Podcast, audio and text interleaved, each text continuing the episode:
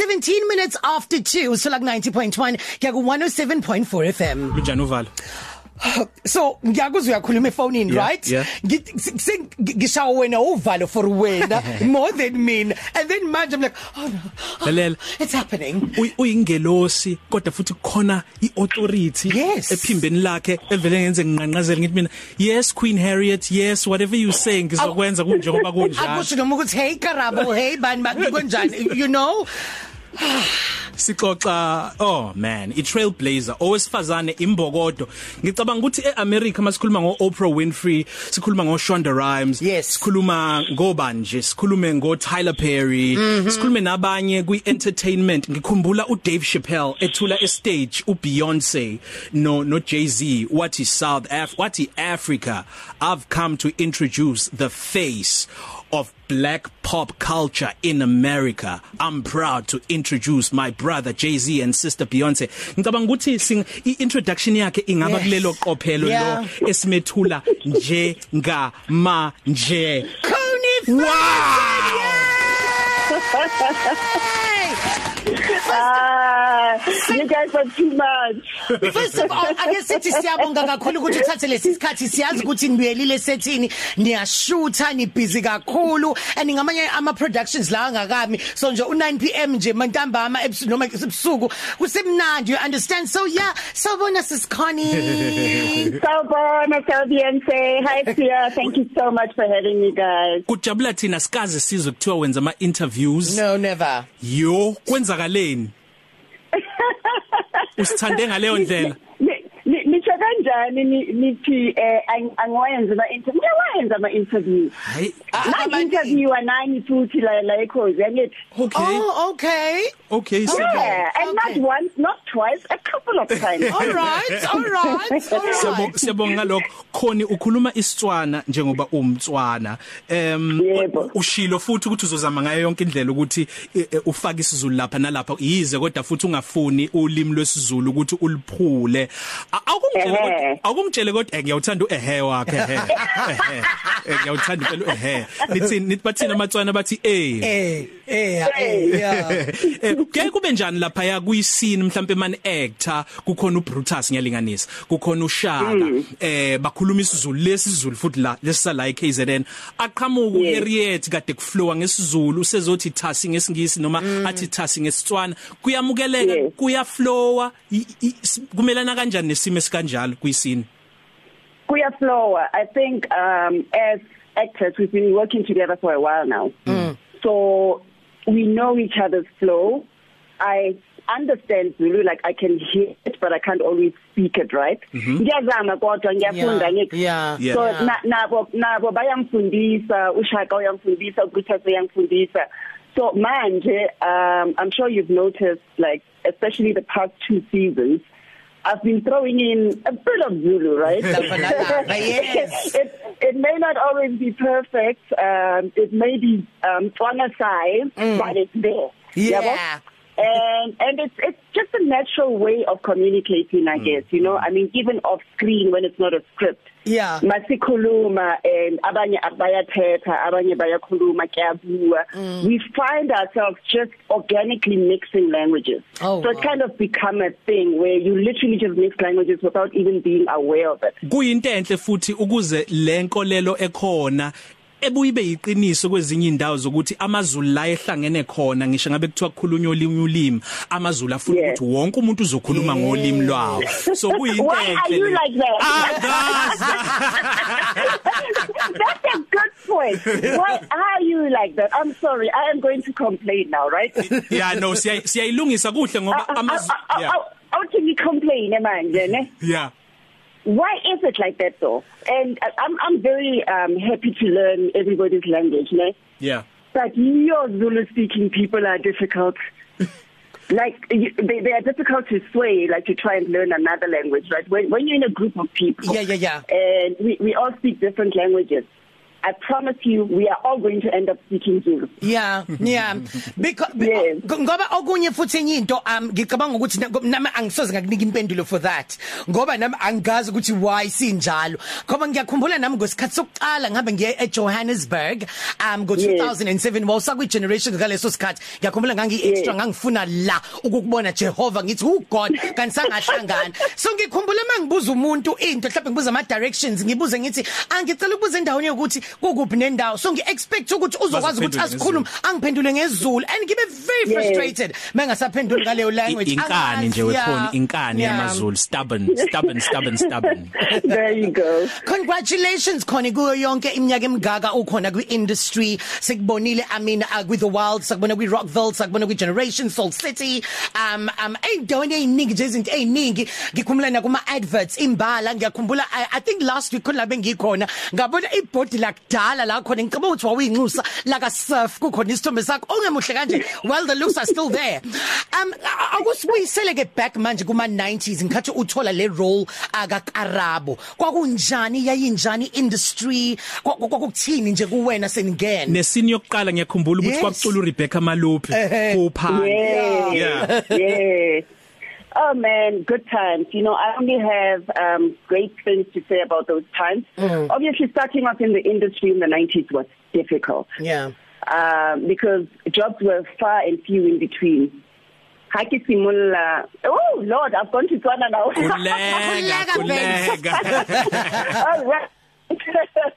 All right. So when I started, right, um, sure, I remember we had, we used to have multiple jobs at the same time. Mm. So I'm going to get to generations very, very soon. Yeah. Um, but I would literally job hop, okay, because I was a freelancer. And we needed to, to, to obviously make as much income as the, the, the jobs were, the contracts were very short at mm. the time. Mm. So before I joined Generations, I was a presenter on CCV TV. I don't know if you guys remember CCV. yes, Yes. CCV yes Didn't- didn't- Oh, okay. didn't- Ah, yes. yes even the sound effects I remember so I was a continuity presenter on CCV TV um, when Generations came along. So when that opportunity to audition for Generations came, obviously I jumped at it. First of all, it was the the first. It would have been like the first long running series on on SABC at the time. Um, like we would do the the series that we used to, like 13 episodes or at the most like Soul City I did 26 episodes. Mm. Nice. So this one the first season was 52 episodes, right? Yeah. So if it was going to play um one day a week for 52 weeks, that means it's like a whole year um of episodes. So I was very excited to be in a long running season. Wow. So I auditioned um extremely nervous got to meet um Selomate Kangobe. I hadn't worked with him before then, mm. uh, but I had seen him on on baby dramas, etc. So got to meet a whole lot of people that I wanted to work with that I hadn't worked with before. So I was excited but nervous at the same time because it was something that I really wanted, but competition was so stiff. sure Like we'd have a lot of people auditioning for the same role. I remember Sophie auditioned for for Karabo as well. Yes. There were so many people auditioning for Karabo, and I I just I wanted it. You know, so I was very shy. I was extremely scared walking into that audition. But I remember saying to myself, Connie, just do your best, and the rest up to God. If it's meant to be your role, it's your role. Mm. If not, it's on to the next. You you you you're still a presenter. You're a hustler. Um, something else will come along, but I really wanted it. So when they called me to say, "Yay, I'm going to play Achimoroka's sister," you, I cannot even begin to tell you the excitement. And that's how Generation started. I was in the first scene of episode one um, with the whole family. You mentioned earlier that we had um, Rebecca Malope singing there. What mm. a moment! Yeah. What a moment! And I mean, what a now it's a legacy, but what a legacy it became. Generations, you know. Oh. Indeed. I mean, I'll, I'll I'll always always be grateful for that opportunity. Like I don't take it for granted at all. I know that it started a lot of um, things that happened in my career after that. Yeah. So I can never, I can never ever take that for granted. Sisalapho nje ngiyadlula ukuthi uKarabo oka Glenn Majozi. Ngiyababona lababanye kodwa uKarabo oka Glenn Majozi. Eh ube usuhamba yeah. aba abanye bazothi ukarabo ukatawu hayi. Eh Yo, babe no, babaningi I- wema. awukhoni, Kambe awukhoni. kwakhona noTawu futhi noSibusiso in the mix. ukarabo ka Glenn Majosi No Paul Mashaba, hayibo. lalela. Wa- akhona enamathipho awathatha kuloya Brook wakwi Bold and the Beautiful. Yes, yeah. Kara- Karabo has lived guys Yeah, I yo, feel yo. like Karabo she she was living her best life. Yeah. U- u- ube usuhamba ke eh kwase kuthi ngo 2014 wabuya ukuzolekelela le yanto eyenzeka kwi generations nakho kuzoba the legacy. Kukodwa lokho kuchaza ubudlelwane nokuhloniphana nensebenziswano nayo nomfundi Vundla. Ngifuna ukwazi kodwa Yebo. ukuthi usa actor u- u- usa actor nje usamncane ngawa ama 90s wawu wawu- wawubelana kanjani nezinkinga nezingqinamba owawuba nazo njengomlingisi mhlawumbe uthola ukuthi lezo nkinga izinto ezi- ezingaphakathi eziphakathi kwakho nama producers neindustry nje mhlawumbe izinto zamaholo izinto zokuthi ama shift made ni on set Na- na- nanicubungula kanjani inkinga enjalo nize nikwazi ukuthi nibe nenqubekela phambili a way forward Okay. Um, I've always been told that I'm too wise for my own good, mankula, even even when I was a child. So I think I always approach things, everything, with an open mind and an open heart. Um, there will be problems wherever you go. There will be challenges wherever you grow. But I developed a relationship with my producers then where I was able to contribute. Um, I was able to, and I wouldn't even call it complain because for me it's never about complaining but about bringing up issues and addressing those issues and finding a way forward right and if you're not able to find a way an amicable way forward then I always believe for them but you know part ways mm. amicably still respecting each other but never get to a point where I, I don't know I just have so much love in my heart and and, and respect for the next person. Mm. that I, I I think it translates. So I think even when I approach someone for example now we're talking about my former employers they would always know that I was coming from a good place. So in that mm. way issues were were resolved amicably um maturely if I may say. So that that was never a problem for me. Mhlambe sobuye sibuye kuloko kwenye ingcenye mase sikhuluma mhlambe ngezinto osubhekana nazo mhlambe ngelinye ihlo. Engicabanga ukuthi mhlambe ezinye zazo usuya ngiyazicabangela ukuthi usuyaye uye kumfundi uthi hey kanti wawusuka ubhekene nengqinamba enjena thina sama actors kanti wena uproducer uowner iproduction? Kodwa sobuya kuloko mhlambe ake sikhulume manje ngeFerguson Films Rockville Igazi Yeah. The Gift The Throne Sure. The Herd The Queen The uh, Imposter the, the, the herd wasn't our show by Oh, the way. the head word kwakuyona was- yeah. Hayi, akulutho Yeah. ke kodwa nawo lawe swabalile mahle siyakubongela khona njengoba sishilo sisakwethula avuyi isibonelo esihle somuntu omnyama wesifazane owenza izinto ezinkulu kwiindustry kulokhu ke Ngiyabonga. uyiplayer coach okusho ukuthi eh u- u- ngapha unikeza imiyalelo kodwa ngapha futhi nawe kuphinde Uya kube wena receiver, yeah. okhahlela ibhola khamba kanjani lokho It, it can be challenging um, trying to balance the two, ne? but Okala, I, I, I, I remain grateful. Um, it's, it's not everybody that get, gets to make it in this industry. It's a very tough industry. Mm. We understand and appreciate that. Um, I started right at the bottom, going to auditions like everybody else, getting lost in taxis, trying to find the suburbs to go to auditions, and slowly but surely worked my way up to a point where I was able to leave home, and I always call it home, generations, and spread my wings and fly and started um, first with my husband, Shona. It was a tough start. I'm not going to lie. It was a very tough. We we had to. I remember we had to take a second bond um, on our house just to start our production company, um, conceptualize stuff. So we we we. But ba re wa grind ne like Yeah. yeah, re Yeah. re grind Yeah. re grindile we are shizini Yeah, Uh, we, we are grinder. We are grinder. So when I left Generations, it was to do that initially, and then the process was a little slow, right? And remember, we have a family we have to eat. So that's how I ended up being at the Wild for two years before actually now really going into producing. Um, so while we were building Ferguson Film Center, and I were both at the Wild, and at the Wild, I think this is when we properly learned production mm. in the in the true sense of the word, because Generations is, is a studio-based soapy, yeah. a multi, mu- multi-cam. Yes, you learn a lot of things there, but but the world is limiting, right? Mm, mm. In the wild, it's like we were open, our minds were like open to all these other possibilities, and we felt that that's where our interests lied. So when the wild came to an end after two years, oh, let me just switch this radio off. After two years, then we went full force with Ferguson Films. We started um, approaching Mzansi Magic. Mzansi Magic was a was a young channel at the time. It had just been launched. Yeah. So the very first drama series on Mzansi Magic was actually Rockville. Oh Wow. nice. Wow. Nice. For us, um, that was the biggest biggest blessing ever because now also understanding the plight of our industry. Now we, we are not only actors who are always going out to audition to get work. We have created work for ourselves. Yes. But not only that, we have created work for other people as well. Mm, mm. Now getting to, to, to where the, the balance is, is very delicate. Right, you are a producer that works with with a, a set budget. Now we know as actors for a ish.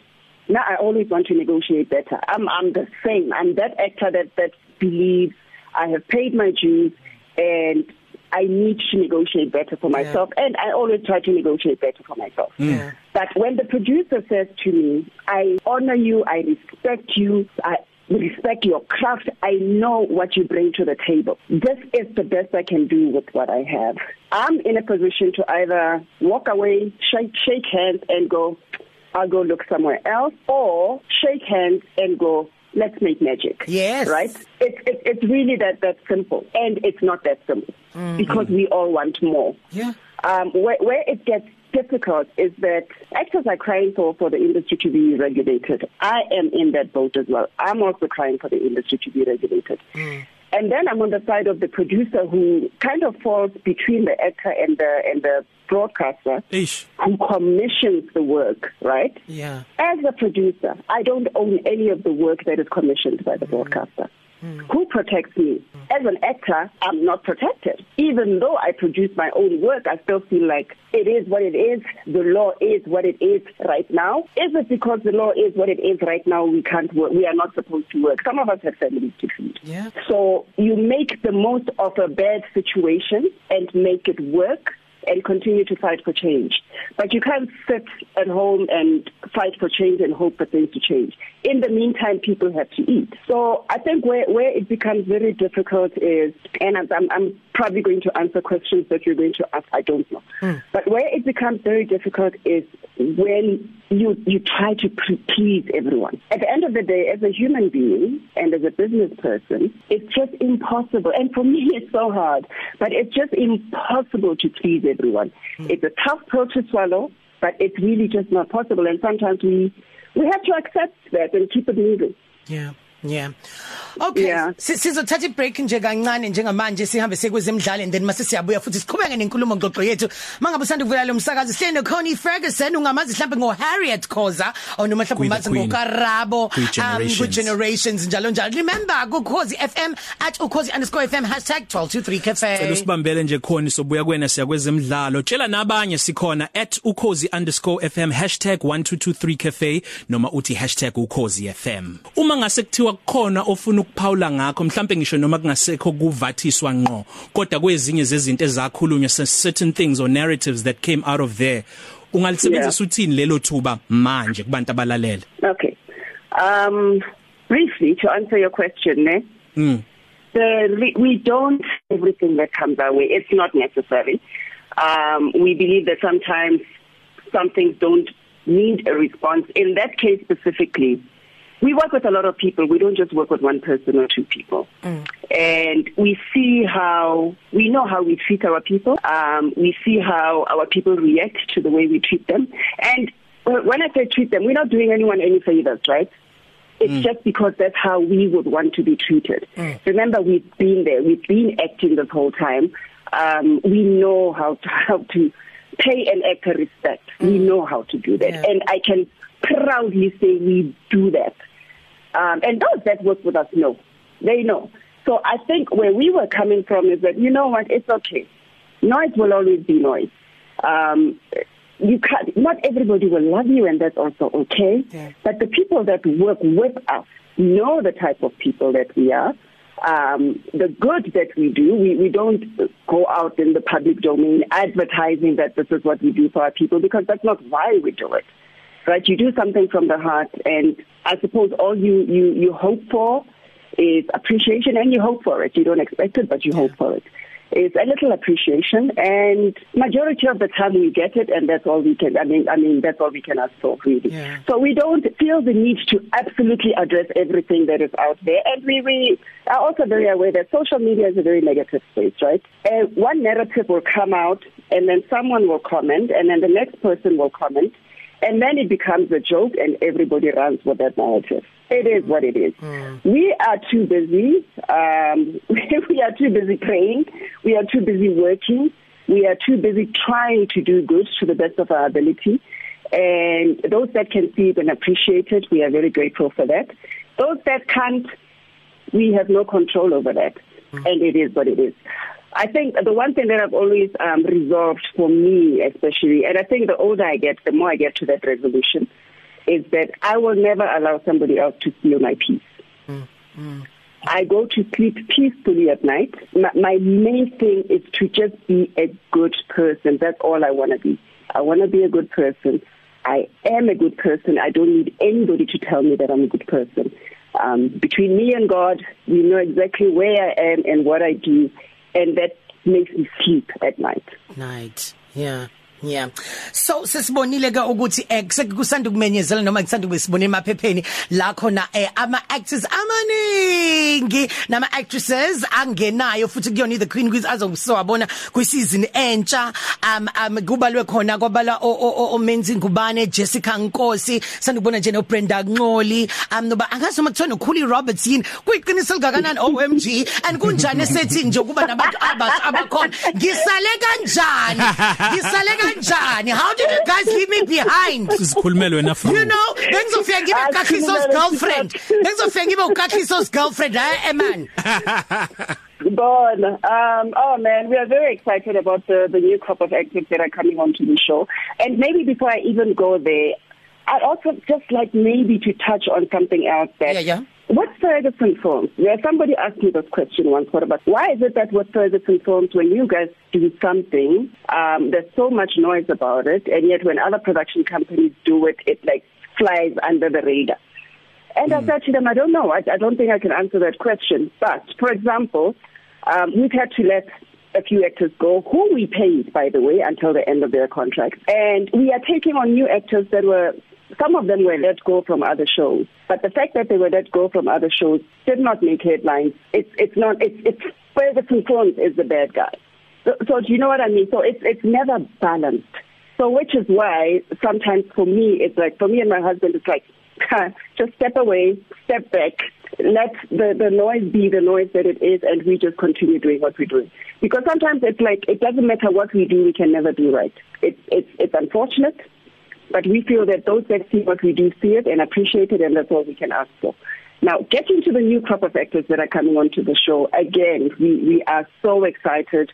Um, we are getting a new antagonist on the Queen. Oh man, I wish I could tell you where the story is going, but it's it's we, we are just so excited. Isho ngesizulu, isho ngesizulu ungasho ngesingisi. Eh. Kana, ayisingathi ngalitshela, ngalitshela.